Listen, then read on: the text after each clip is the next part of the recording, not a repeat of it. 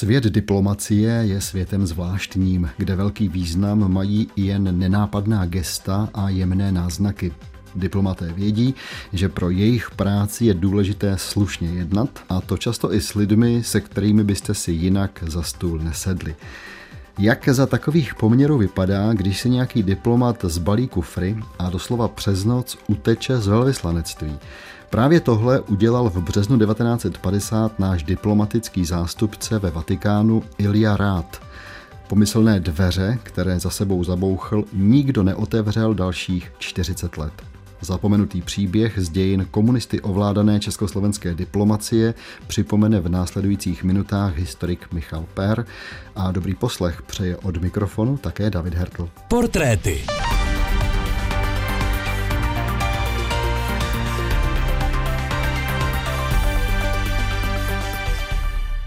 Michale, vítám vás, jsem rád, že jste ve studiu zase vy. Hezký den. Krásný den, děkuji. Vydalo by to asi na dlouhé povídání, poprosím vás o několik stručných věd.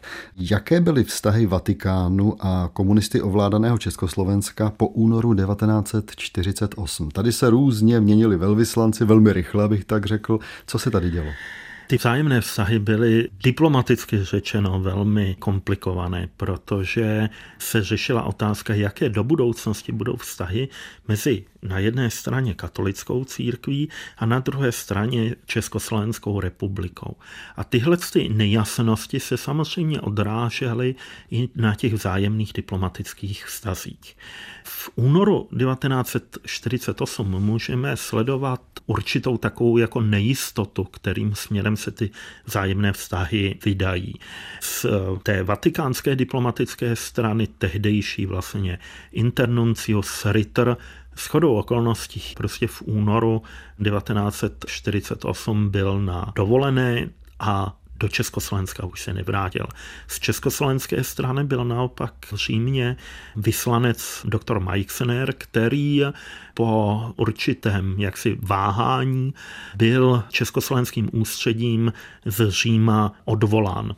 To odvolání probíhalo, musím říct, velmi zvláštním tak trochu příznačným a divokým způsobem, protože on byl oficiálně odvolán do Prahy na konzultace. A nikdo mu neřekl, že už se nebude do Říma vracet. Takže v Římě zůstala i jeho manželka a syn a on přijel do Prahy do ústředí a v Černínském paláci mu byl zabaven okamžitě diplomatický pas a bylo mu sděleno, že už se do Říma nevrátí. Oficiálně ještě několik měsíců byl veden jako československý vyslanec a tehdejší politika hledala nějakého vhodného Meixnerova nástupce. 9. března 49 je tím diplomatickým zástupcem Československa ve Vatikánu jmenován Ilja Rád, a to v hodnosti charge d'affaires. Tak a teď v té diplomatické řeči to byl tedy průšvih? Už tohle, co řeknu, jmenování, že byl jmenován charge d'affaires, bylo jaksi určité vyjádření toho, že ty vztahy nejsou úplně v pořádku, protože on byl jmenován v úvozovkách pouze charge d'affaires, což znamenalo, že byl jmenován československým zástupcem, nikoli v hodnosti vyslance či případně velvyslance. To už bylo vyjádření určitých problémů.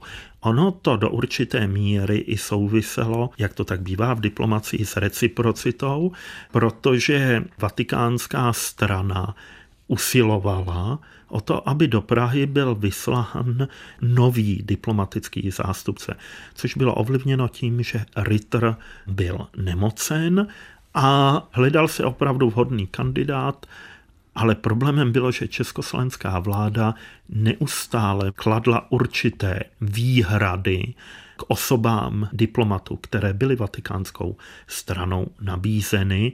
A tady se vlastně už dle mého soudu rodí přání to diplomatické zastoupení nějakou, řekněme, takzvaně suchou cestou zlikvidovat. Před chvílí tady padlo jméno Ráta. To je, nemohu si pomoct, mimořádně zajímavý člověk tím, jak není příliš zajímavý. Ale přeci jenom matrikový katolík, Zároveň ale nečlen komunistické strany, přesto pracuje v diplomacii, mimořádně jazykově schopný, nadaný, maďarština, srbština, angličtina, francouzština, italština. Jak se ten člověk v diplomacii ocitl? U Ilie Hráta, myslím, sehrávalo klíčovou roli to, že to byl na jedné straně člověk bez pochyby velmi vzdělaný, byl to člověk, který pocházel z dobré slovenské rodiny a to, že byl prostě vzdělaný Slovák, tak hrálo tady dost důležitou roli. On se samozřejmě znal také s Vlado Klementisem, slovenským právníkem, slovenským komunistou, který v roce 1945 se stává státním tajemníkem na ministerstvu zahraničních věcí. A myslím si, že tenhle ten fakt mu hodně napomohl v té jeho diplomatické kariéře, protože to poválečné ministerstvo zahraničních věcí stálo vlastně před základní otázkou, s kým bude vytvářet a budovat tu poválečnou československou diplomacii. A oni samozřejmě potřebovali v tom ministerstvu zahraničních věcí a na diplomatických postech mít větší podíl Slováků, než jako bylo v době meziválečné diplomacie. A ten Ilja rád se na to, jak si hodil těmi svými znalostmi, zkušenostmi, vystupováním a to byl také důvod, myslím, proč ho Vlado Klementis do určité míry podporoval. Zajímavé je, že on jakkoliv tedy byl nadprůměrně vzdělaný a patrně tedy člověk, který v té diplomacii by se asi uplatnil, tak nejenže se na něj díval zvláštně Vatikán, ona i sama Praha se na něj dívala trochu zvláštně. Vy jste našel v jeho osobních spisech takovou zajímavou poznámku, kterou si tam jeho nadřízení udělali. Poslechněme si to patrně přívrženec agrární strany za první republiky, člověk dobromyslný a však pohodlný, bez dostatečného vztahu k práci.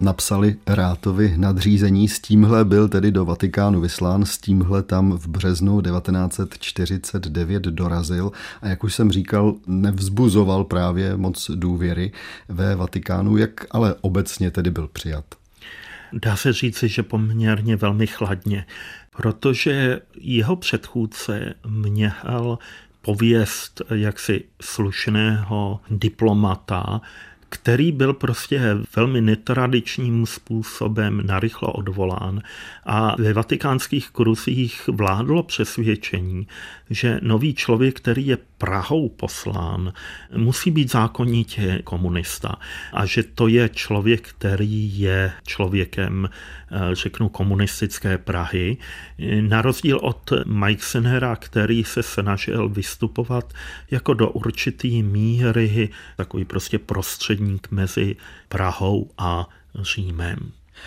Dokonce jsem se dočetl, že za celý ten rok se ani jednou nesetkal s papežem. A teď víte něco o tom, jestli to bylo jeho přání nesejít se s papežem, nebo jestli tam bylo ze strany Vatikánu jakási snaha, aby se s ním vůbec ani nepotkal?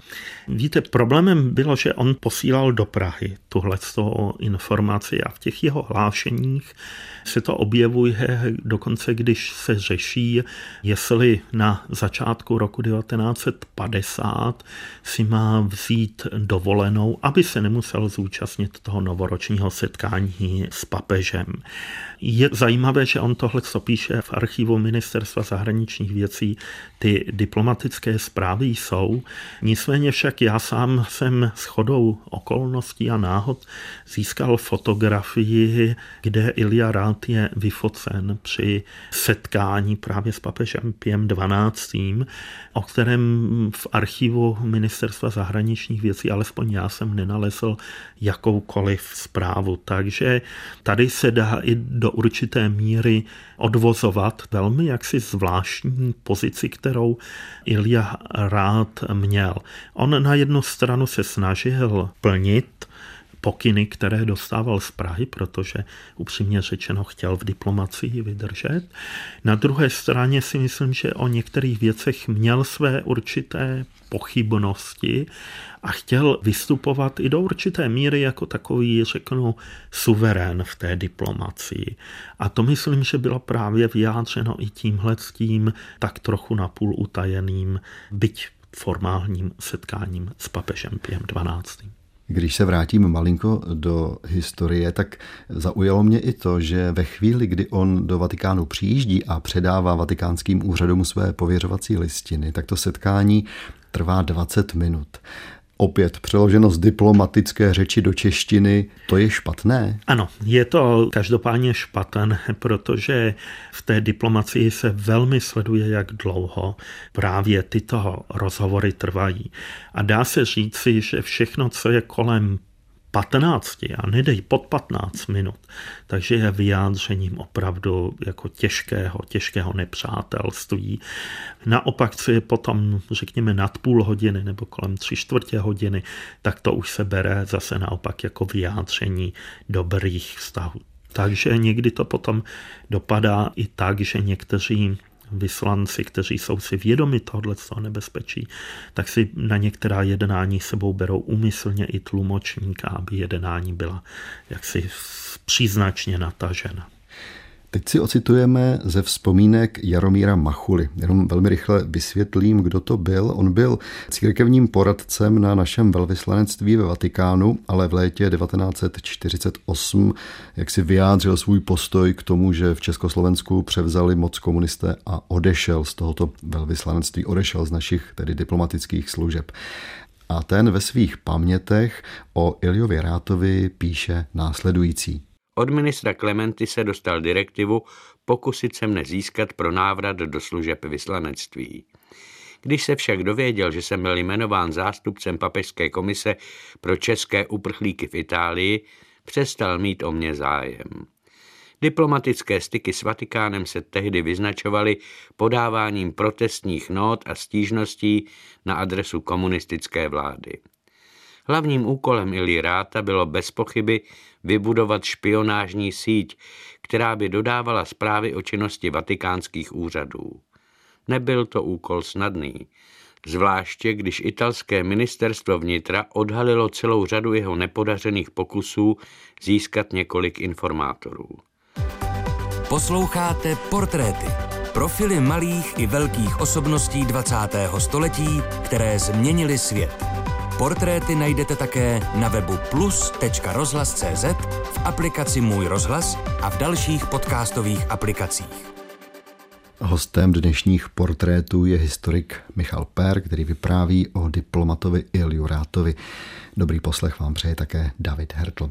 Tak my jsme tady slyšeli z paměti Jaromíra Machuly o tom, že podle něj byl Ilja Rád vyslán do Vatikánu proto, aby vybudoval špionážní síť. Opravdu to bylo takhle tvrdé, nebo je to jenom domněnka?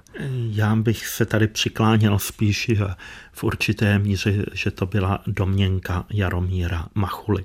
Když byl Ilja Rád posílán do Říma, tak eh, tehdy ještě stále panovalo přesvědčení, že ty vzájemné diplomatické vztahy budou zachovány a tehdejší diplomacie československá hledala vhodného právě kandidáta.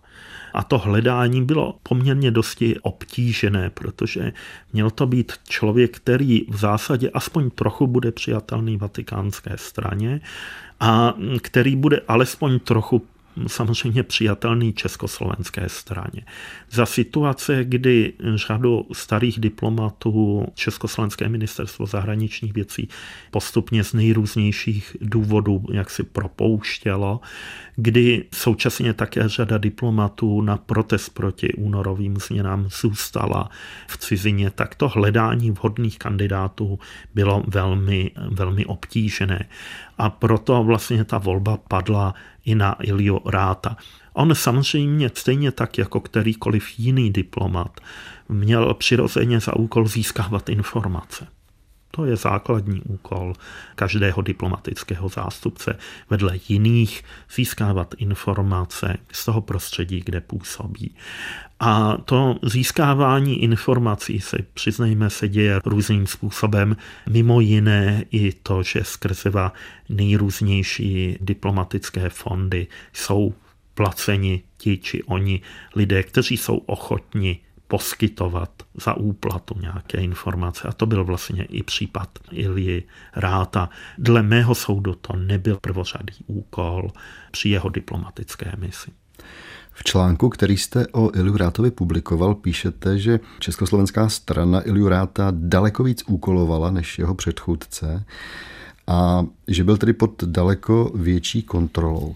Já si ještě dovolím jednu ukázku. Opět je to ukázka z posudku na Iliu Ráta, která je na ministerstvu zahraničních věcí v jeho archivu uchována dodnes. Je docela zajímavá, poslechněte si. Protože dosavadní šarže d'affaires doktor Rád neplní dostatečně svůj úkol, je málo iniciativní, není dobrým informátorem, navrhuje zaminy přidělit mu schopného a spolehlivého soudruha jako prvního tajemníka.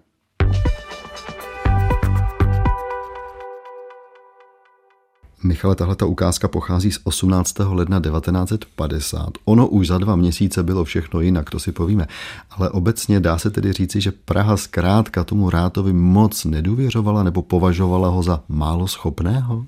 V zásadě to tak můžeme říci, že oni nebyli úplně spokojeni s tím, jak pracuje a jakou vlastně vizi diplomatického zástupce ten rád představoval, protože on opravdu se snažil vystupovat jako takový určitý suverén, který bude pořádat setkání, který bude i zasahovat do těch vzájemných vztahů mezi církví a státem, který se snaží posílat zprávy v tom slova smyslu, že někteří duchovní, kteří byli třeba zatčeni tehdejší komunistickou mocí, takže by bylo dobré je propustit, aby tím se zlepšila jeho pozice u svatého stolce.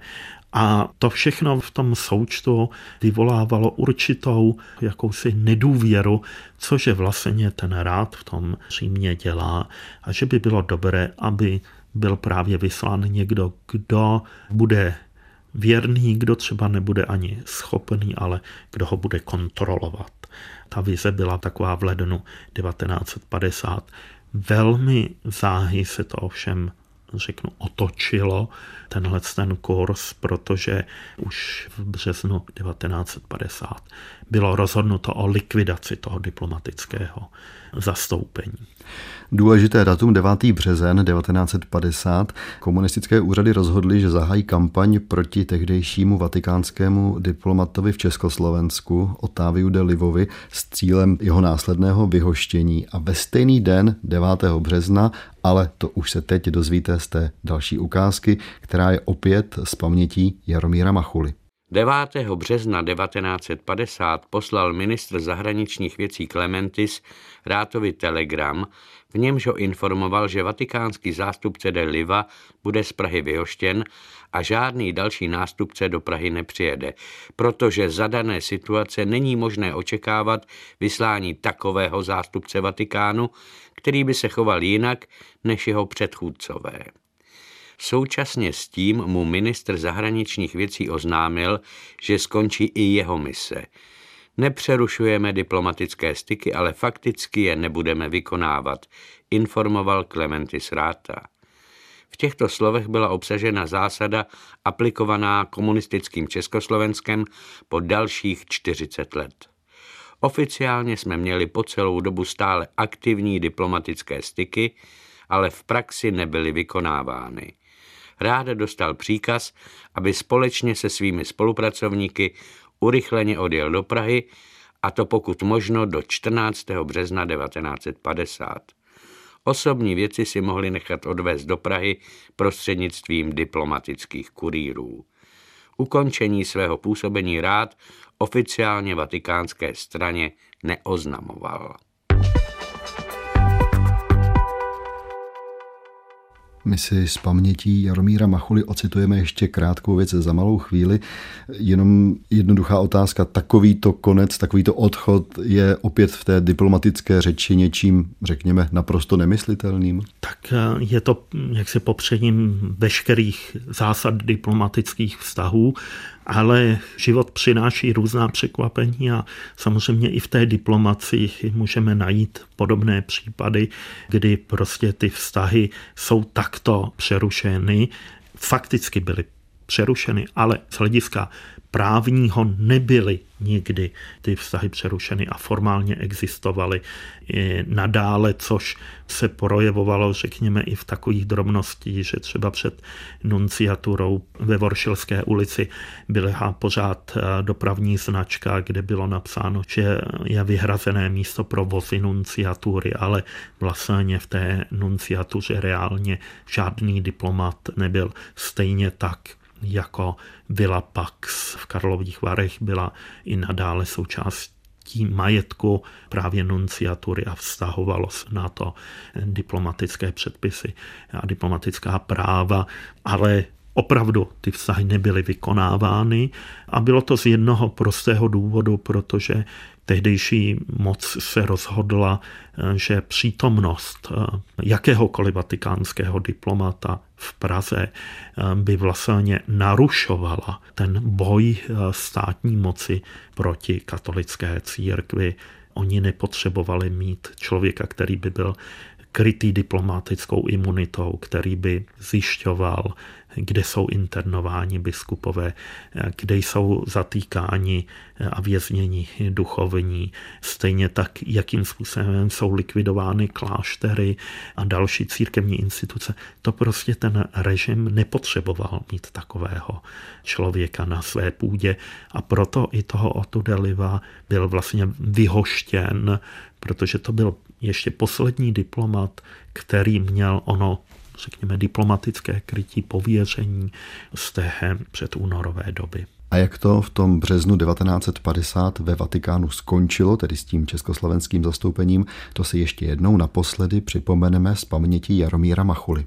V posledních dnech, kdy byla balena zavazadla k odjezdu, jsem byl pozván na večeři na rozloučenou s oběma kancelářskými úředníky vyslanectví. Likvidace vyslanectví a odjezd měly být provedeny v úplné tajnosti, bez jakéhokoliv rozloučení. Podivný a nezvyklý způsob, který proti všem diplomatickým zvyklostem československá vláda použila k přerušení styků de facto, vatikánské úřady nepřekvapil.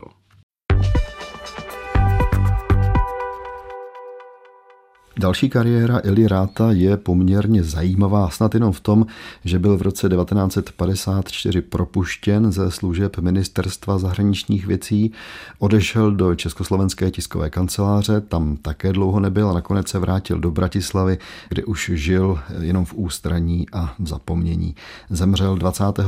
září 1987 v Bratislavě a bylo mu 83 let. To je vše z dnešních portrétů, ve kterých hostem byl historik Michal Per. Michale, děkuji vám, nashledanou. Nashledanou. Ukázky přečetl David Schneider, technicky spolupracovali Valerie Racmanová a Jitka Procházková a loučí se i David Hertl s přáním dobrého poslechu všech našich dalších pořadů.